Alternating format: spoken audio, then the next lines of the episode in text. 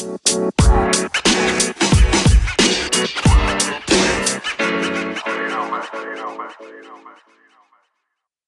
back again with the Journal of Criminology Indonesia bersama saya Gerald dan partner saya kali ini siapa? Hai, Yani. Yani. Yo, Ini, ini, kayak pertama kalinya kita joinan bareng ya. Kayak betul pernah betul kita berdua. betul. Ini kombinasi yang beda ini kan 2021 ini new normal kita beda kan. Sebelumnya dia kalau nggak lo bareng sama Momot ya gua buat bareng lebih sama Momot. Ya, Nah, lu seringan itu. Pokoknya biasanya. irisannya belum pernah gua sama Yani ini. Jadi Pernah kita sekali, cuman kita bertiga tetap ada Osin. Kayak kita oh pernah iya, berdua. iya, kita berdua gitu ya. Kita ada orang ketiga ya gitu ya. Mm-mm. Jadi sekarang ini kita benar berdua ini. Enggak sih enggak berdua sebenarnya, tapi di belakang kita ada tim kita yang juga sebagai ini ya, apa namanya? wasit untuk ngeliatin juga dari kru GCI lainnya gitu. Dan sekarang kita mau nyapa dulu nih para Criminology Fox ya. Kita udah lama banget nggak posting ya. Udah lama banget. Jadi terakhir kali kita posting itu bulan lalu kayaknya. Eh nggak bulan lalu Iya. Januari ya. Bulan lalu, tapi pun rekamannya udah dari tahun lalu. Iya, jadi ngerekamnya bulan eh, tahun 2020 pertengahan baru diposting bulan Februari ya. Mohon Dan maaf. kita nih nggak tahu ini akan kapan ini. Ya, moga-moga kalian yang denger ini semoga kalian lagi denger ini di tahun 2021 dan nggak jauh-jauh dari bulan Maret ya. Itu artinya kita bisa langsung apa posting kayak gitu. Nah, jadi selama ini masih suasana pandemi ya, nggak kelar-kelar yang sudah anniversary kemarin ya, setahun kita pandemi di Indonesia ini dan di suasana pandemi ini biasanya kan orang lebih ini ya, Yan ya. Lu orang yang ini nggak sih? Karena kalau waktu pandemi gini biasanya ngapain biasanya kalau ini? gue, gue, gue nonton YouTube, dengerin K-pop. Gue fans K-pop ngomong-ngomong. Oh, Terus, fans K-pop ya. Heeh, terus juga nonton Netflix. Ya Netflix. gitu-gitulah. Itu. Apalagi Itu kalau kayak gitu tuh biasanya lu ini gak sih oh, tipe-tipe orang yang sering apa namanya memberitahu lu sedang nonton apa di atau sedang suka sama apa di Iya. media sosial lu gitu. Karena Iya, kan iya. sering ya. Iya, orang Hmm. nulis-nulis gitu. Jadi habis nonton apa mereka tulis di ini pendapat mereka apa, apa Hmm. gitu kan atau lagi dengerin lagu apa gitu ya. Iya Itu- iya, gue merasa Hmm? uh, perlu untuk sharing sebagai bagian untuk salah kadang suka merasa orang lain harus tahu gitu kalau ini keren, ini oke gitu kan. Uh, jiwa-jiwa fans gue itu Ya. mem- mendorong gue untuk melakukan itu. itu kenapa ya ya deh gue juga gue juga gini by the way ya kalau gue kan lebih suka emang gue dengerin musik tapi gue nggak bener-bener fans garis keras untuk ini apa pun ya band atau musisi mana pun nggak sebesar itu. Cuman gue sering nonton bola dan gue fans cukup fans yang cukup aktif untuk mendukung menyuarakan dukungan gue menyuarakan dukungan gue terhadap tim gue terutama kalau di media sosial itu di Instagram di Twitter tuh gue sering banyak ngomong begitu. Tuh kira-kira kenapa ya orang-orang itu suka melakukan itu gitu? Kita berdua kenapa melakukan itu gitu? Karena gue rasa kayak kita udah ada keterikatan gitu loh sama mereka. Jadi kayak eh gak tau ya, gue merasa ada keterikatan gitu dengan mereka ada engagement. Jadi Hmm. eh gue merasa eh, keterlibatan gue untuk bisa nge-share, untuk bisa eh, ngasih tahu atau bikin ada gue suka review kan, kadang-kadang gue suka Hmm. nge-review atau kayak gitu-gitu. Itu jadi jadi hal yang penting untuk bisa membantu mereka eh, semakin populer lagi. Nah, kayak eh, itu sih kayak yang dibilang sama ini sih. eh eh, jadi ada yang eh, apa sih ahli komunikasi dia eh, Oh. namanya Henry Jenkins. Oke. Eh, ada yang namanya participa eh, participatory culture di mana eh, orang-orang eh, in- eh, dia ngomongin masalah eh, stru- eh, kayak misalnya web apa gitu pokoknya Ya. sosial media tuh masuk dalam yang dia omongin ini. disebut Jadi- participatory culture itu Ah, jadi kayak bagaimana kayak internet, sosial media tuh membuat orang-orang tidak lagi pasif. Eh, Hmm. Jadi mereka punya eh, mereka punya peran yang aktif eh, untuk bisa terlibat eh, dalam melakukan aktivitas. Jadi kayak sebenarnya banyak dia nggak ngomongin masalah fans aja banyak hal, tapi salah satu yang dia bicarakan juga kan kayak eh, fans culture ini. Jadi apa Hmm. yang gua yang gua rasakan, yang gua lakukan, yang kita lakukan juga sebenarnya gua rasa eh, bagian dari apa yang Jenkins bilang sebagai Hmm, itu bentuk participatory culture sih. ya jadi itu gitu. bentuk partisipasi kita lah ya dalam apa ya membela, membela, membela atau mendukung sebenarnya ke mendukung kali ya. Bener nggak bahasa kalau mau gue bilang mendukung. Gue gue mendukung itu dengan cara gue ngomongin soal mereka gitu, menunjukkan cinta gue cintanya gue terhadap mereka gitu kan di media sosial gitu kan, gitu, katanya gitu. Iya. Kan, Iya kan kayak, kayak hmm. bikin konten di sosmed kayak gitu kan juga uh, bentuk keterlibatan kita kan kayak gitu. Iya. Ngomong-ngomong soal konten, jadi yang biasa lu kas, yang biasa lu share tuh apa biasanya? Cuman apa kata-kata atau mungkin gambarnya si apa fotonya si artis itu atau video gitu?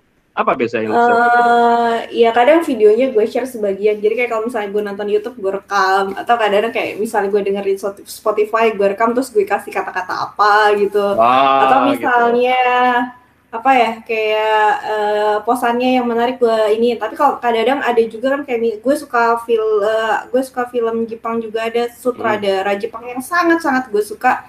Gue uh, gue bikin review kayak gitu. Uh, hmm. gue sampai niat banget bikin review film-filmnya dia kayak gitu gitulah. Iya. Nah ya ngomong-ngomong kita tuh hmm. ngomongin ini JCI, GCI kan ya? Iya GCI, Terus GCI, ngapain nih kita nih? Kok yang GCI. kita bahas ini ada apa nih? Kita ngomongin ini ada, hubungannya apa dengan ngomongin uh, kriminologi ini? Karena karena ada semacam ini ya fenomena bahwa uh, ketika fans itu gerakan-gerakan ya gerakan-gerakan fans itu bisa bisa bisa jadi malah jadi sebuah bentuk kejahatan, ya.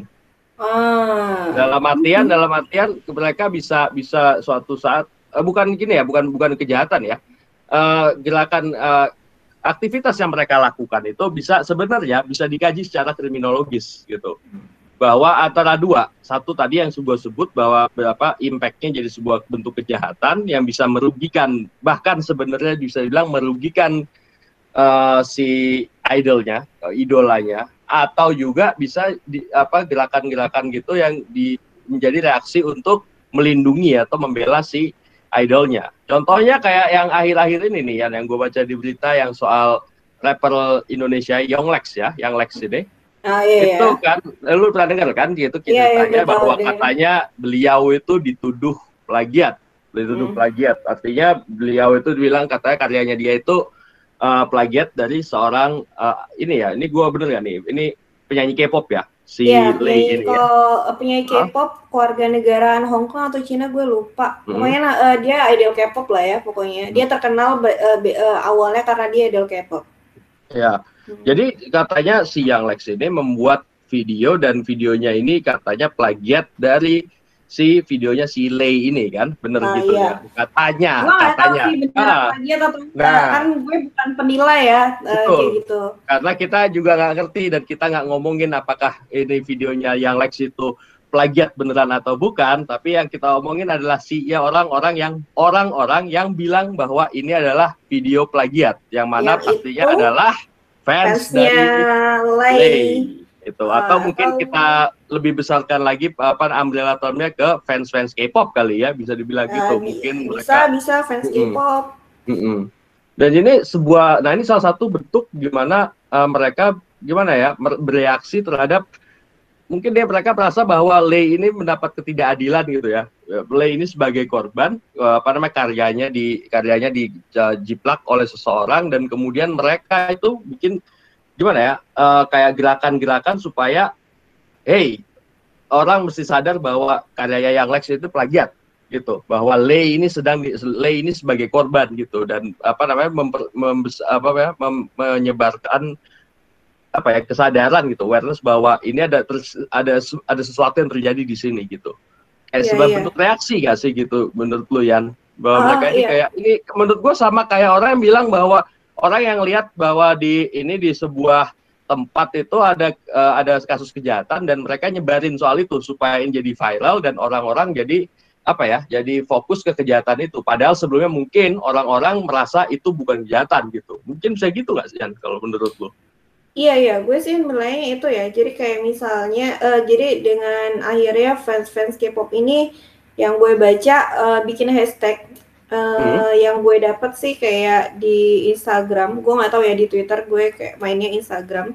Hmm. Uh, ada yang namanya uh, hashtag uh, respect Zhang Yixing. Jadi lainnya nama aslinya itu Zhang Yixing. Hmm. Mm-hmm. Nah, jadi kayak muncul hashtag-hashtag ini buat kayak ngasih tahu orang-orang bahwa si Yonglex ini uh, melakukan plagiarism. Terus mm-hmm. uh, dan bukan hanya ngasih tahu ya. Jadi yeah. Ya. uh, seniat itu menurut gue jadi mereka ya, jadi kalau gue lihat mereka bukan cuma ngasih tahu tapi mereka kayak membuat diskursus tersendiri gitu yeah, bahwa yeah. ini ini nih bukan sekedar bahwa bukan ini nggak mengatakan bahwa apa bukan sekedar lu bersaksi atas suatu kejadian tapi lu membuat narasi lu sendiri bahwa hey ini ada ini or uh, si uh, Lei ini sedang uh, dijiplak sama Yang Lex Yang Lex harus bertanggung jawab Yang Lex harus minta maaf Yang Lex harus melakukan apa gitu kan nah ini kan salah satu bentuk gimana ya ini kayak diskursus gitu gak sih Yan? Jadi nggak cuma ngeviralin bahwa yang Lex melakukan kejahatan, tapi kayak mereka merasa bahwa yang Lex harus melakukan sesuatu gitu, ada yang salah gitu gitu. Maksudnya iya, kayak, iya.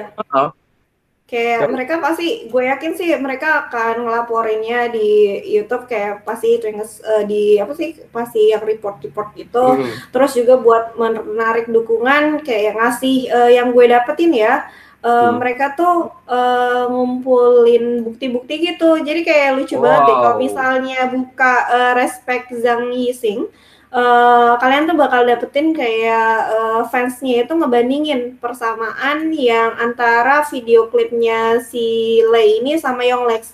Nah itu kan kayak uh, seniat itu mereka buat ngeyakinin orang-orang bahwa si Yonglex ini melakukan plagiarism. Hmm. Dan dengan adanya bukti ini, gue rasa itu sebagai cara mereka sih akhirnya orang mau nih buat uh, nge-report Yonglex. Gue rasa sih uh, itu sih yang dilakukan oleh uh, siapa namanya uh, fans-fansnya Lay, fansnya K-pop uh, hmm. untuk bisa uh, memberikan kalau buat mereka keadilan buat ah, iya. apa sih idolnya. Iya, maksud gue ini nggak nggak cuma sekedar lu kayak ngelaporin orang lagi ada ada orang kecopetan, lu foto laporin enggak gitu. Ini kayak lebih ke lu ngelihat apa namanya ada ada temen lu yang di ya sama pacarnya di uh, abuse gitu dan menu, dan ini orang pada nggak tahu dan supaya orang-orang pada tahu lu nyebak lu ngasih tahu ini dengan narasinya gitu loh. Sampai tadi kan apa ya ada bukti-bukti segala macam dikasih lihat gitu kan. Itu kayak uh, bahkan orang-orang yang mungkin kayak orang-orang kayak gue yang nggak nggak deket-deket sama K-pop gitu. Jadi mungkin merasa oh benar juga nih kayaknya gue harus kayaknya gue harus terlibat di gerakan ini gitu loh. Gue jadi ikutan report gue jadi ikutan apa namanya uh, tahu bahwa si yang Lex ini plagiat misalnya begitu. Gitu gak sih Yan? Mungkin kalau uh, gue iya. ngeliatnya ngomong-ngomong ya mohon maaf teman-teman Uh, di selera kamar ini baterai gue mau habis, gue ambil dulu uh, sebentar. Ya, sorry okay. maaf. Jadi itu, nah, jadi ya. Mungkin kalau soal apa namanya yang kalian dengar-dengar uh, fans ini, mungkin ada nggak, ada nggak lo punya pengalaman-pengalaman lo sebagai fans yang bis, yang sampai segitunya gitu ya, sampai apa namanya, sampai banyak usaha, sampai banyak effort untuk membela fans, membela idol lo gitu. Misalnya mungkin kayak zaman ini kali ya. Mungkin kalian yang suka okay, SID gitu. Dulu waktu Jerings misalnya kena kasus se sejauh apa lo menolong apa mencoba mendukung idol lo gitu? Mungkin lo bisa apa namanya uh, kasih tahu kita dengan mention kita di Twitter at the GCI THE underscore GCI atau juga di Instagram juga sama at the GCI jadi lu share sejauh mana sih lu pernah membela membela idol lu, apa idola lu gitu, membela apa uh, public figure atau apa pun deh, tim sepak bola juga boleh terserah lu. Yang ketika lu adalah fans lu sejauh mana lu membela fans apa membela itu lu gitu. Kalau ketika menurut lu tokoh-tokoh itu sedang menerima ketidakadilan atau menjadi korban kejahatan menurut lu seperti itu. Nah, udah dicas ya? Udah. Udah. Nah, udah kehabisan ide gue tuh kalau sendirian mau ngomongin apa gitu. Di sini kan di sini kan gue cuman ini ya, cuman apa namanya yang apa yang narik isinya gitu. Otaknya ada di lu di sini Yan. Jadi nah, kalau lu yang lempar ya, isu lu. ya itu benar gue ngelempar isu dan lu yang menanalisis gitu kan di sini. Nah, balik lagi. Nah, itu kan contoh yang ini ya ya. Gimana kalau orang uh, membela uh, sebagai bentuk gimana ya? Bahasa ilmiahnya apa sih? Sebuah reaksi terhadap Nah, reaksi sosial nah, kejahatan. Kalau di kriminologi itu reaksi sosial kejahatan. Ini bisa ya. dibilang sebagai itu. Jadi kan kayak di kriminologi itu hmm. ada empat apa ya? Empat unsur ya, ya. dalam mempelajari kriminologi kayak keja uh, biasa kejahatan, terus korban, pelaku. terus kejahatan itu sendiri eh uh, kejahatan korban, uh, korban pelaku. pelaku. Nah, satu reaksi. lagi reaksi sosial nah. kayak uh, reaksi sosial kan banyak ada yang misalnya dari penegakan hukum dari polisi dari hmm. uh, penegak hukum resmi lah nah tapi sebenarnya hmm. selain itu juga bisa dari masyarakat kan nah hmm. ini juga bagian penting ketika kita mempelajari kriminologi kayak gitu hmm. jadi ini masuk dalam reaksi sosial yang ya yang terjadi itu. ketika ada fenomena ada suatu apa ya ada fenomena yang terjadi di yang yang biasanya melibatkan tokoh-tokoh public figure ya, tokoh-tokoh masyarakat, eh, apa istilahnya, public figure ya orang-orang yang terkenal, orang-orang yang mungkin banyak pengikutnya gitu ya. Ketika hmm, mereka kena masalah, iya dalam kasus ini. Kalau hmm. ibaratnya ketika uh, eh, dengan dengan adanya si public figure itu terlibat dalam suatu kegiatan gitu, sebuah aktivitas, orang-orang yang selama ini uh, melihat atau mengikuti public figure tersebut mungkin yang terpacu untuk melakukan sesuatu gitu ya, reaksi sosial atas ke, apa kegiatan itu gitu ya. Oke. Okay. Nah, kalau tapi ini kan sesuatu yang ini ya kayak bagus mungkin ya reaksi sosial terhadap itu terhadap kejahatan ya atau sebuah sebuah kejahatan. Tapi lu pernah ini gak sih? Pernah nggak? Lu kan nge-share video, nge-share foto dan lain-lain gitu. Pernah nggak lu uh, akun lu kena ban atau postingan lu dihapus orang gitu? Karena gue juga karena gue pernah dengar beberapa kali orang itu nge-share seperti itu bahkan yang akunnya akun yang didedikasikan untuk sebagai fans dari sebuah seorang public figure itu mah sampai di ban karena melanggar ini ya hak hak cipta benar atau hak siar lah ya atau hak, hak kekayaan intelektual gitu. Iya iya gue belum pernah sih sampai segitu ya cuman kayak uh, beberapa akun-akun yang gue ikutin tuh suka tuh uh -uh. kayak gitu jadi kayak kan gue lebih banyak sebenarnya gue lebih banyak ngikutin dan menikmati dibandingin bikin konten uh -uh. tapi eh, konten-konten yang gue nikmati tuh beberapa kali dicerita bahwa dia mau upload upload tapi nggak bisa atau kayak udah upload berhasil terus akhirnya di take down sama YouTube atau mm -hmm. sama Instagram atau karena dianggap uh, apa sih kayak uh, melanggar hak cipta kayak gitu jadi mm -hmm. Uh, ya menarik ya tadi kalau misalnya tadi uh, kita ngomongin Young Lex uh, di mana kayak fans K-pop ini uh, menjadi bagian uh, untuk uh, agar idolnya tuh nggak jadi korban uh, uh, hak kekayaan intelektual itu kan masuk ke hak kekayaan intelektual yeah. Iya. uh, uh-uh. plagiarism itu. Tapi mm-hmm. di satu sisi lain ternyata uh, yang namanya fans K-pop ini bisa juga terlibat menjadi pelaku kayak gitu. Mm. Uh, yang menurut gue hal yang menjadi unik sih di dalam yeah.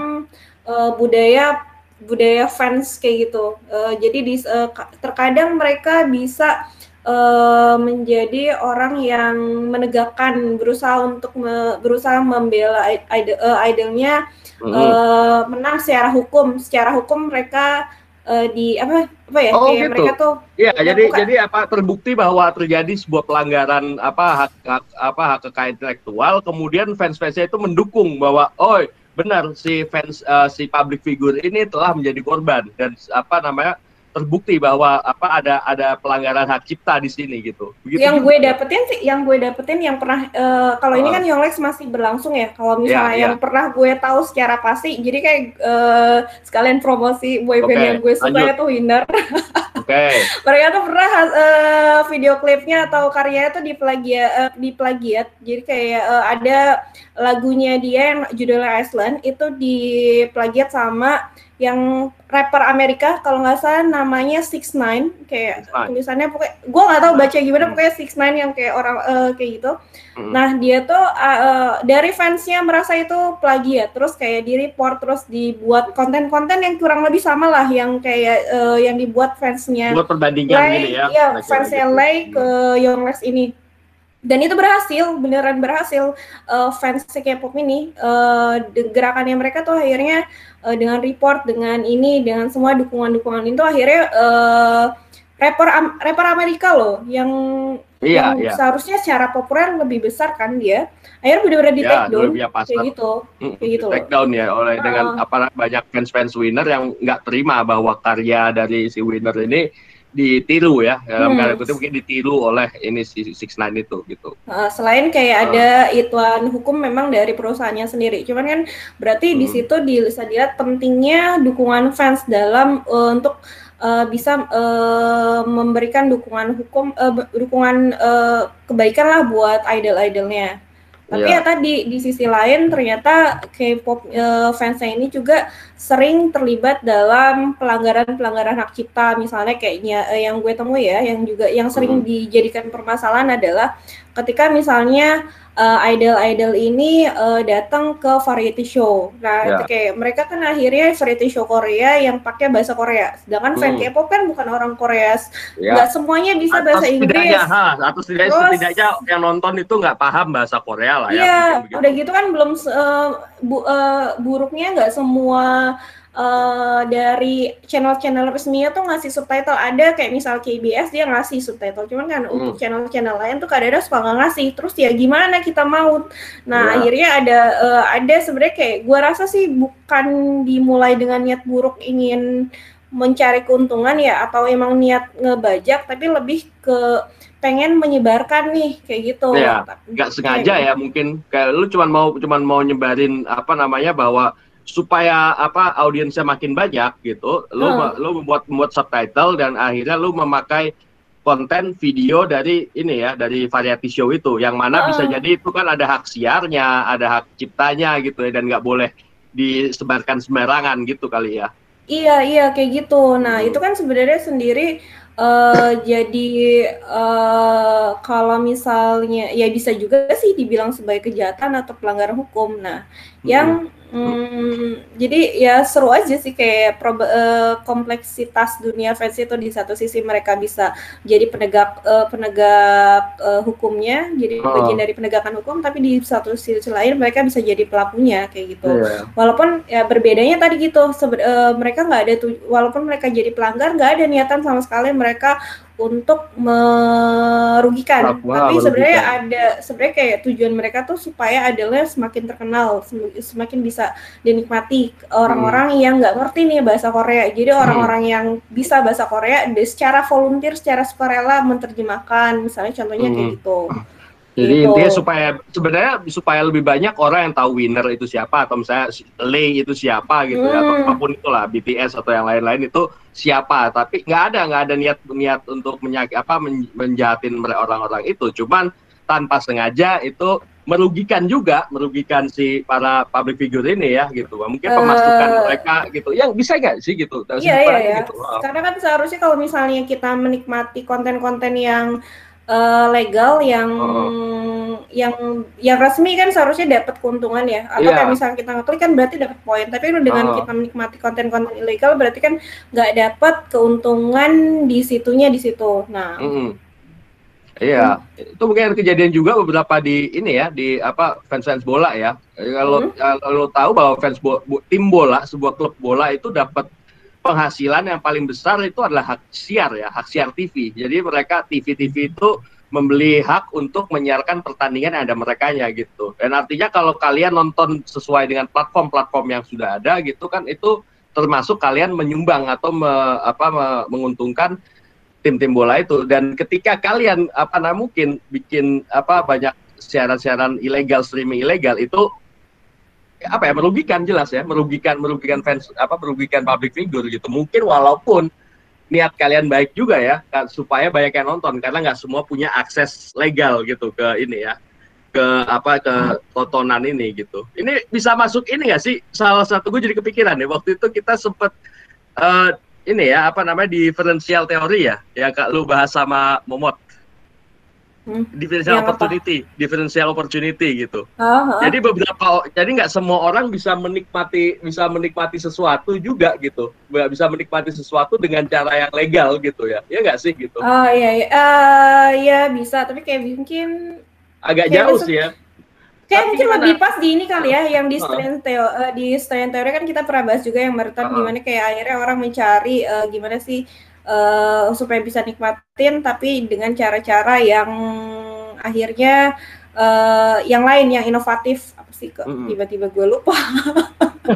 Itu Nah, itu- makanya kalau inovasi. itu, inovasi. ah, ini jadi inovasi. bagian dari inovasi. Kayak gitu. Ah, itu episode kita dua atau tiga episode yang lalu ya. Jadi silahkan kalian kalau mau lebih tahu soal strain teori ini seperti apa. Intinya ini strain teori adalah dalam mencapai tujuan lo itu apa namanya eh, lo punya lo punya cara cara apakah itu cara yang benar atau cara yang salah. Lebih lengkapnya dengerin aja episode sebelumnya itu gitu. Hmm, Oke. ya, gitu. Saat itu ini. Nah jadi bisa ini ya, nah, kalau gue rekap bisa jadi anggap aja gue fansnya Lay yang sekarang lagi mencoba apa mereport yang Lex sebagai plagiat. Jadi gue membela membela Lay karena gue rasa Lay itu sedang apa sedang mendap, eh, mendapat ketidakadilan menjadi korban kejahatan. Namun mungkin beberapa saat kemudian gue juga bisa posting-posting foto-foto atau video-videonya Lay yang sebenarnya ada copyrightnya yang harusnya nggak bisa gue share. Harusnya harusnya apa namanya orang-orang nonton Lay melalui platform-platform yang legal gitu eh, supaya Lay dapat keuntungan. Itu bisa ya Yan ya. Jadi tanpa Ya. jadi ya nggak sih? Iya bisa bisa kayak gitu. Tapi biasanya sih biasanya ya, walaupun Uh-uh. mereka nyebarin konten-konten yang ilegal atau kayak bikin bikin konten, jadi kan yang biasa gue pernah lihat tuh kayak mereka nerjemahin atau misalnya mereka kadang-kadang ada video clip terus mereka ngitung eh durasi per personilnya. Nah biasanya mereka tuh selalu ada juga kayak pengingat agar jangan lupa ya buat balik lagi ke konten-konten aslinya. Jadi kayak gue gue sih lihatnya di situ ya memang nggak ada niatan intensi mereka untuk melakukan merugikan sama sekali walaupun eh, secara hukum tetap nggak Hmm. bisa di secara hukum hukum kan nggak melihat itu niatan kayak gitu ya Ya. ya itu tetap dinilai sebagai suatu hal yang merugikan apalagi eh, nggak tahu sih gue melihat di sini eh, ya sebenarnya plagiat itu kejahatan atau bukan sih kayak gitu kan Nah, itu yang menarik tuh. Ini kan Nah, sebenarnya sebenarnya kayak gue tanya tadi yang lu bilang bahwa Hmm. sebenarnya ketika mereka nge-share itu kan nggak segitunya. Tadi itu kata kuntinya tuh di situ, nggak segitunya. Sebenarnya seberapa merugikan? Atau pertanyaannya gue ganti, sebenarnya merugikan fair, apa merugikan si public figure atau merugikan korporasi, misalnya korporasi media atau apa namanya korporasi-korporasi lain yang apa namanya penghasilannya jadi eh, turun karena banyak orang yang men-share kayak gini gitu. Gimana menurut lu tuh? Kayak ini kalau gimana ya? Kayak kriminologi kritis kalau menurut gua bisa dibilang kayak kriminologi kritis kan kejahatan itu didefinisikan oleh penguasa. Jadi kalau Ya, ya, penguasanya ini di pihak di menurut lu di, di kasus ini penguasanya adalah si ini ya apa korporasi-korporasi besar itu ya agensi-agensi itu bener nggak kira-kira Iya, menurut gimana gue sih gitu ya. Karena kayak eh, salah satu definisi kejahatan pun kan eh, kejahat eh, bisa dibilang kayak kejahatan itu eh, salah satunya ya definisi Mm-mm. kejahatan itu tidak ditentukan oleh semua pihak. Jadi itu keja- eh, kejahatan atau bukan itu sangat bergantung pada eh apa ya penguasa model eh, Uh-huh. apa ditentukan oleh pihak eh, salah pihak satunya yang memiliki membuat peran aturan gitu ya. Heeh, membuat jadi kayak peraturan dan yang biasanya eh, sangat eh, juga dekat dengan eh, kapitalisme kayak gitu. Mm-mm. Eh, salah satunya kan seperti itu. Jadi eh, hukum ataupun aturan penegakan hukum dibuat oleh penguasa untuk melindungi orang-orang yang memiliki modal.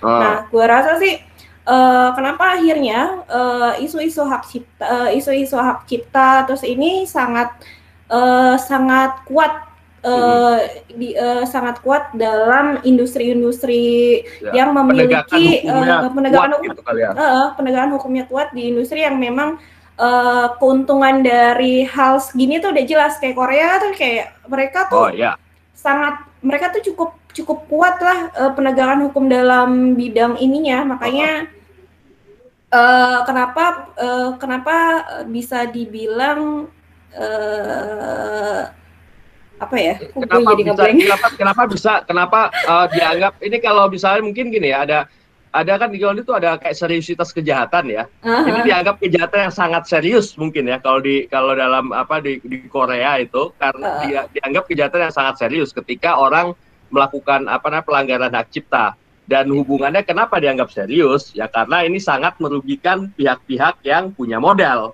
Yang mana di sini mungkin agensi atau korporasi-korporasi yang iya mereka tuh ini kan ya apa namanya kayak Iya. di- dipelihara sama perusahaan gitu kan Iya iya, kalau misalnya kita tanya masalah serius kegiatan, kita tanya ke perusahaannya iya. Dan gue rasa dari perusahaannya juga kan mereka tuh membuat engagement uh, keterikatan pada fansnya, akhirnya fansnya pun merasa perlu nih ngebela kayak gitu loh. Jadi ikut-ikutan ngebela juga kan, kayak gitu. Mm -hmm.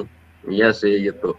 Nah ini akhirnya udah lumayan banyak kita bahas nih. Mungkin kalian-kalian yang dengar sekarang ini coba kita pengen tahu pendapat kalian itu. Kalau misalnya uh, uh, pelanggaran hak cipta ini ses, uh, sebuah kejahatan yang serius banget gak sih menurut kalian gitu? Apakah ini benar-benar sebuah kejahatan ber merugikan banget jadi emang harus harus ditegakkan itu? Ini benar-benar merugikan, terutama merugikan orang-orang yang merugikan talentnya ya, merugikan apa public figure yang apa namanya art musisi atau segala macam. Atau ternyata sebenarnya kayak pelanggaran hak cipta ini sebetulnya nggak nggak segitunya sebetulnya. Ini cuma taktiknya penguasa aja, penguasa untuk membuat apa ya membuat mendefinisikan kejahatan sesuai dengan uh, uh, tujuan mereka untuk tetap melanggengkan kekuasaan mereka gitu. Coba kita pengen tahu pendapat-pendapat kalian ya. Coba kalian mention ke Twitter, ke Instagram kita di @thegci, the underscore GCI gitu.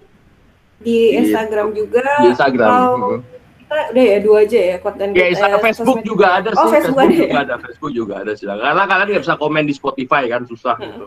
Kalau komen di ya. Spotify nggak yeah. bisa gitu. Ya itu sih paling. Ya mungkin akhir kata apalagi ya yang bisa kita bahas di situ. Mungkin ya, uh -uh, sampai ke sini ya? sampai sini dulu aja kali ya sebelum kita ini karena ini sebenarnya kalau ngomongin fans ini pasti panjang banget ya. Banget, Karena setiap banget. orang kalau orang punya fans-fansnya sendiri gitu ya, nggak cuma isu fans kan, tuh banyak sih menurut gue apa sih kayak hmm. isu terkait fans tuh banyak, tapi yang salah satu uh, salah satunya ini masalah plagiarisme hak cipta dan yang ini. Hmm. gitu. Ini jadi salah satu part dunianya fans lah. Nanti mungkin yeah. barangkali suatu saat nanti kita bahas lagi tapi dengan part yang lain yeah. kayak gitu. Ya, atau kita bisa bilang ini mungkin permainan ya emang ini ya untuk uh, kenapa begini untuk menekan engagement ya antara fans fansnya sama uh, public figurnya gitu. Mungkin ya, ya istilahnya yang istilah gampang itu bikin sensasi gitu, bikin sensasi. Ini juga bisa gitu karena dengan banyaknya kasus, dengan banyaknya uh, hal seperti ini bakal makin banyak orang yang menyebut nama fans uh, nama, nama public figure itu kan gitu. Jadi namanya makin naik gitu dan di situ mungkin profitnya juga dari situ ini panjang banget nih kalau besok-besok mungkin kita akan bahas soal ini. Tapi uh, untuk sementara ini ya sampai di sini dulu aja ya uh, pembahasan ah. kita soal fans dan kejahatan apa istilahnya ya? Ya fans kita... dan kejahatan, ya fans lah, defense dan kejahatan. Fans dan kejahatan. Nanti nanti judulnya mungkin akan lebih baik kalau mungkin apa kalian menekan tombol play karena judulnya lebih hebat karena sekarang ini waktu kita rekam kita belum kepikiran judulnya. Ah. Moga-moga uh. nanti udah ada judul yang lebih baik gitu. Ya udah okay. akhir kata akhir kata Mari kita pamit ya. Kita. Thank you Yani dan thank ya, you. Thank you, sudah ya thank you yang udah Gue kayak gestar tuh buat JCI juga oh, iya, kan. Lu, lu gestarnya, gestarnya. Jadi di JCI itu kalau yang lebih pintar, lu kan S2, jadi lu gestar. Lu Apa? Satu, ya udahlah, udahlah, udahlah, udah akhiri, akhiri, akhiri, Oke, okay, akhiri aja. Oke. Okay. Jangan lupa, jangan lupa uh, tetap uh, tunggu episode-episode kami de, selanjutnya di eh, di Spotify ya di uh, The Journal at The Journal of Criminology Indonesia podcast. Ya, sampai jumpa semua. Dadah. Dadah.